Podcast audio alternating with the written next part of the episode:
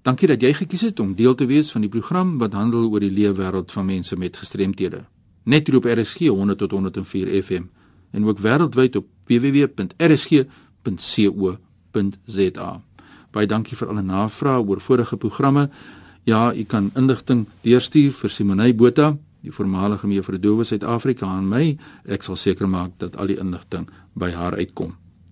Vandag leer ons meer oor sigverlies en ons kyk ook na die werksamehede van Blind SA. My gas is Cathy Donaldson. Welkom by RC Cathy. Hallo Fanny. Kom ons begin by jou. Ons hoor wat is jou posisie by Blind SA eers? Dan kyk ons 'n bietjie na die organisasie en dis meer. Vertel ons. Ek is die president van Blind SA en dit is reeds my derde termyn as president van Blind SA. En dit is seker baie lekker om as 'n persoon met sigverlies self deel te neem aan hierdie proses en hierdie posisie? Dit is vir my 'n wonderlike taak wat ek kan verrig want ek voel dat ek iets vir die uh, gesiggestremde persoon kan beteken en vir hulle iets kan doen en vir hulle iets kan teruggee uh vir die talente wat ek ontvang het en vir hulle ook dan kan help om deel van die samelewing te kan word. Ja, dis die integrasie van mense met gestremthede is so belangrik, jy weet, en ons het nou verlies, maar dit is nie wat ons terughou nie. Dit is wat ons terughou is die ontoeganklikheid van die gemeenskap en uh dat daar nie ondersteuning bestaan nie en die mense verstaan nie altyd in die gemeenskap wat is die verskillende behoeftes of uh, ondersteuning wat mense met verskillende forme van verlies dan nodig het nie. En dit bring my by die doelstellings van Blind SA dit sê Blind SA sê presies wat dit is. Maar wat is julle doelstellings as organisasie? Ons het uh, verskeie doelstellings. Ons is natuurlik 'n verbruikersorganisasie en ons doel is om ons mede uh, gestremde persone te help. En ons het uh, byvoorbeeld ons druk braille in al 11 tale. Ons probeer uh dienste uh te verskaf aan mense wat werk soek en vir help om om betrekkinge te vul.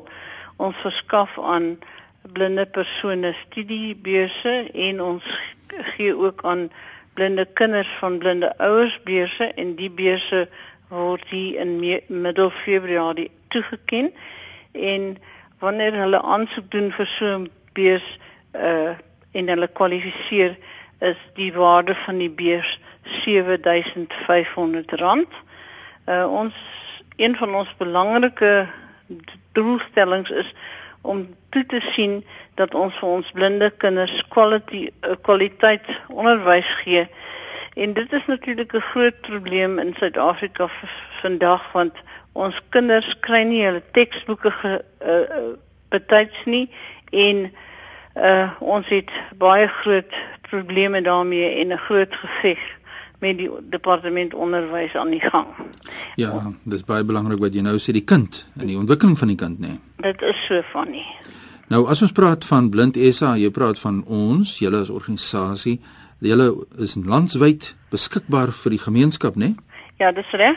Ehm um, ek is natuurlik in die nasionale kantoor in Johannesburg in Mayfair maar ons het ehm um, dit organisasies oor die hele Republiek van Suid-Afrika en ons doelstelling is om so wyd as moontlik te kan werk en daarom stig ons ook lid organisasies in die verskillende provinsies en in die vergeleë gebiede sodat die mense ook gehelp kan word en ook kan voordeel trek uit blind SA. Ja, want die Blind SA ondersteun artikel 21 van die VN-konvensie oor die mensereg van toegang tot inligting, toegang tot kommunikasie en ons sê hoor nou wat jy sê, jy weet boeke wat beskikbaar of nie beskikbaar is nie in braille en dis meer wat mense uitsluit. En om al hierdie goed dan te kan voorsien of hierdie infrastrukture daar te stel is natuurlik belangrik dat daar moet geld wees. Hoe lyk die situasie? Ek meen, julle moet seker baie geld insamel om om hierdie dienste te kan lewer want ons kan nie alles van die staat kry nie. Ja, eh uh, fondsinsameling is natuurlik 'n baie belangrike taak van Blind SA en ek as president speel 'n groot rol daarin want ek gaan na verskeie plekke toe uit eh, wanneer mense ons uitnooi om uh, vir hulle meer te kom vertel van Blind SA, dan gaan ek en ek lewer 'n toespraak en lig hulle in van ons werk ensovoorts met die hoop dat ons daarom 'n paar rand sal kry. Soms gaan dit goed en soms is dit maar moeilik. Ehm um, maar dit is een van die maniere wat ons probeer om fondse in te samel. Ons uh, het ook ander maniere soos om vir koöperatiewe te uh, nader ensovoorts.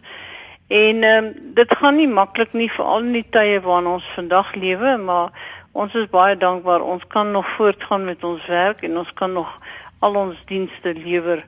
Ehm um, en ons het ook al weer nuwe dienste ingebring soos uh die uh, mobiliteit van blinde persone wat laat blind geword het dat ons hulle kan rehabiliteer dat hulle weer deel van die samelewing kan word en hulle blindheid kan aanvaar en daarmee kan saamlewe.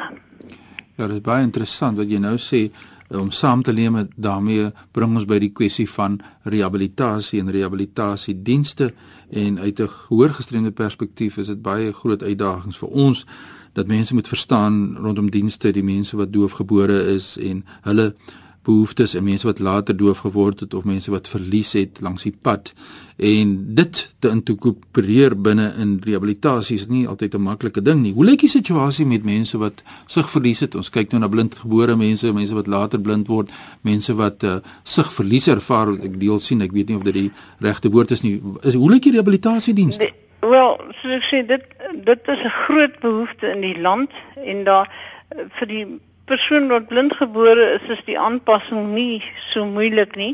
Ons kry soms kindertjies wat hulp nodig het ensovoorts, maar mense wat laat blind word in hulle lewe het 'n groot behoefte aan rehabilitasie en uh ons kry soveel oproepe dat ons regtig nie uh almal kan hanteer nie. Die nood is geweldig groot en uh, wanneer so 'n persoon nou gerehabiliteer is en hy het ehm um, die uh, alle daagse ehm um, uh, skills soos hulle in Engels sê geleer het en hy nou weer voel hy is deel van die samelewing en hy kan vir homself sorg.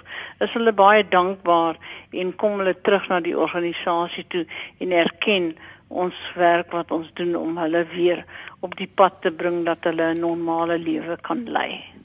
Jy weet dis 'n vraag van 'n luisteraar wat wil weet die kwessie oor brail aan die een kant en rekenaartegnologie aan die ander kant. Nou vra die persoon, kan 'n mens dan net wegdoen met brail nie en dan net op rekenaars werk nie? Wat sê jou antwoord daar? O oh, nee, brail is vir ons 'n baie baie belangrike ding. Brail in my eie lewe kom eerste want sonder brail kan ek nie klaarkom nie en geen blinde kan daar sonder klaarkom nie. Want as jy nie brail ken nie al het jy 'n rekenaar wat jy op kan werk uh, is daar sekere probleme wat wel on kan ontstaan. Eerstens kan 'n mens nie ordentlik spel as jy op 'n rekenaar werk nie want jy het nie daardie woord fisies gesien ja. onder jou vingers nie. En jy kan ook nie uh regtig weet hoe die dokument uiteengesit is en wat die uitleg is nie. So deur brail te ken en brail te kan lees en skryf is jy eers werklik geletterd. Want andersins uh, is jy regtig nie heeltemal geletterd nie. Ja, jy het nou gesê waar jy gele gelees daar in Johannesburg, maar ek was een keer daar en dit was my wonderlik om te kan sien of te kyk na die proses rondom die drukkery die braildrukkery en dit is 'n groot onderneming, 'n groot inisiatief. Wil jy net so vinnig ons 'n kykie gee in die hele proses daar? Dis 'n groot proses. Ja, dit is 'n groot proses. Ons soos ek net nou gesê het, ons druk brail in al 11 tale. Ons druk ehm uh, vir die individu en ons subsidieer hulle brail teen 99%. Ons druk baie dinge vir uh die staat vir die regering en ons druk uh, ook uh, allerhande dokumente vir uh, die leerders wat dit nodig het as ook vir studente wat hoër onderwys studeer. En ons het 50 personeellede en om wel te druk is nie net om dit te druk nie dit gaan deur 'n proses. Ehm um, eers word die dokument deur 'n datatekster getik dan gaan dit vir proeflees en dan word die foute opgespoor wat deur die datatekster gemaak word en dan gaan dit vir uh, korrigeer hulle dit gaan dan vir 'n tweede proef en dan word dit eers gedruk uh, en gebind voordat die uh, persoon wat die braille nodig het dit in sy hande kan kry. Ja, die tyd het ongelukkig uitgeloop, maar ek het so baie vrae wat ek nog vir jou wil vra, maar ons gaan 'n volgende program later die jaar met jou doen oor baie aspekte rondom sigverlies. Maar ja, dis lekker om dit te gesels Cathy Donaldson, sy is die president daar van Blind SA in Johannesburg en ek wil net ter afsluiting van ons program voor ons jou kontakbesonderhede deurgee of Blind SA se kontakbesonderhede, wil ek net graag by jou hoor. Wat is jou boodskap as persoon met sigverlies aan aan die gemeenskap? My boodskap aan die gemeenskap sou wees dat hulle blinde persone as normale mense moet aanvaar, hulle normaal moet behandel en uh, vir hulle uh so sal sien as mense wat net soos hulle is en net soveel kan doen en net soveel kan bereik soos hulle en daar is geen uh on uh normaliteit by die mense nie. Ja, wat is die die norm? Wat is die definisie van normaliteit? Wie bepaal dit, jy weet? En dit is iets wat ons hard moet veg nog in Suid-Afrika. Ons lees in die media van kinders met gestremthede of skole vir kinders met gestremthede en dan hoor ons van normale skole in dieselfde asem. Jy weet dan laat mense wonder wat is die die regte definisie vir normaliteit? Jy het dit so mooi gestel, gee geleentheid en ons kan net soveel doen. Ons doen is nie anders nie, ons doen net dinge so 'n bietjie anders. Dis die verskil.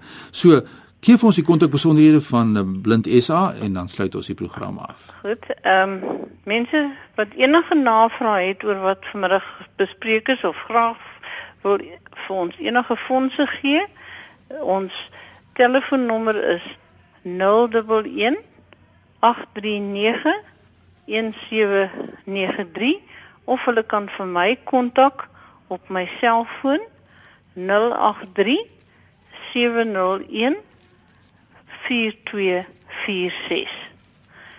Dit is die kontakbesonderhede 083 701 4246. Ja. Dis die kontakbesonderhede van Cathy Donaldson. Ja, ons het nou vanmiddag regtig vir lekker voorreg gewees om met jou te praat. Baie sterkte vir Blind SA en hou ons op hoogte oor die vordering daar. Baie baie dankie Fanny. Indien jy enige navrae of voorstelle het, elkeen van ons het 'n storie om te vertel. Deel dit met ons. Stuur 'n e-pos sommer nou aan Fanny by fanny@ fani.dt by mweb.co.za fani.dt by mweb.co.za groete uit Kaapstad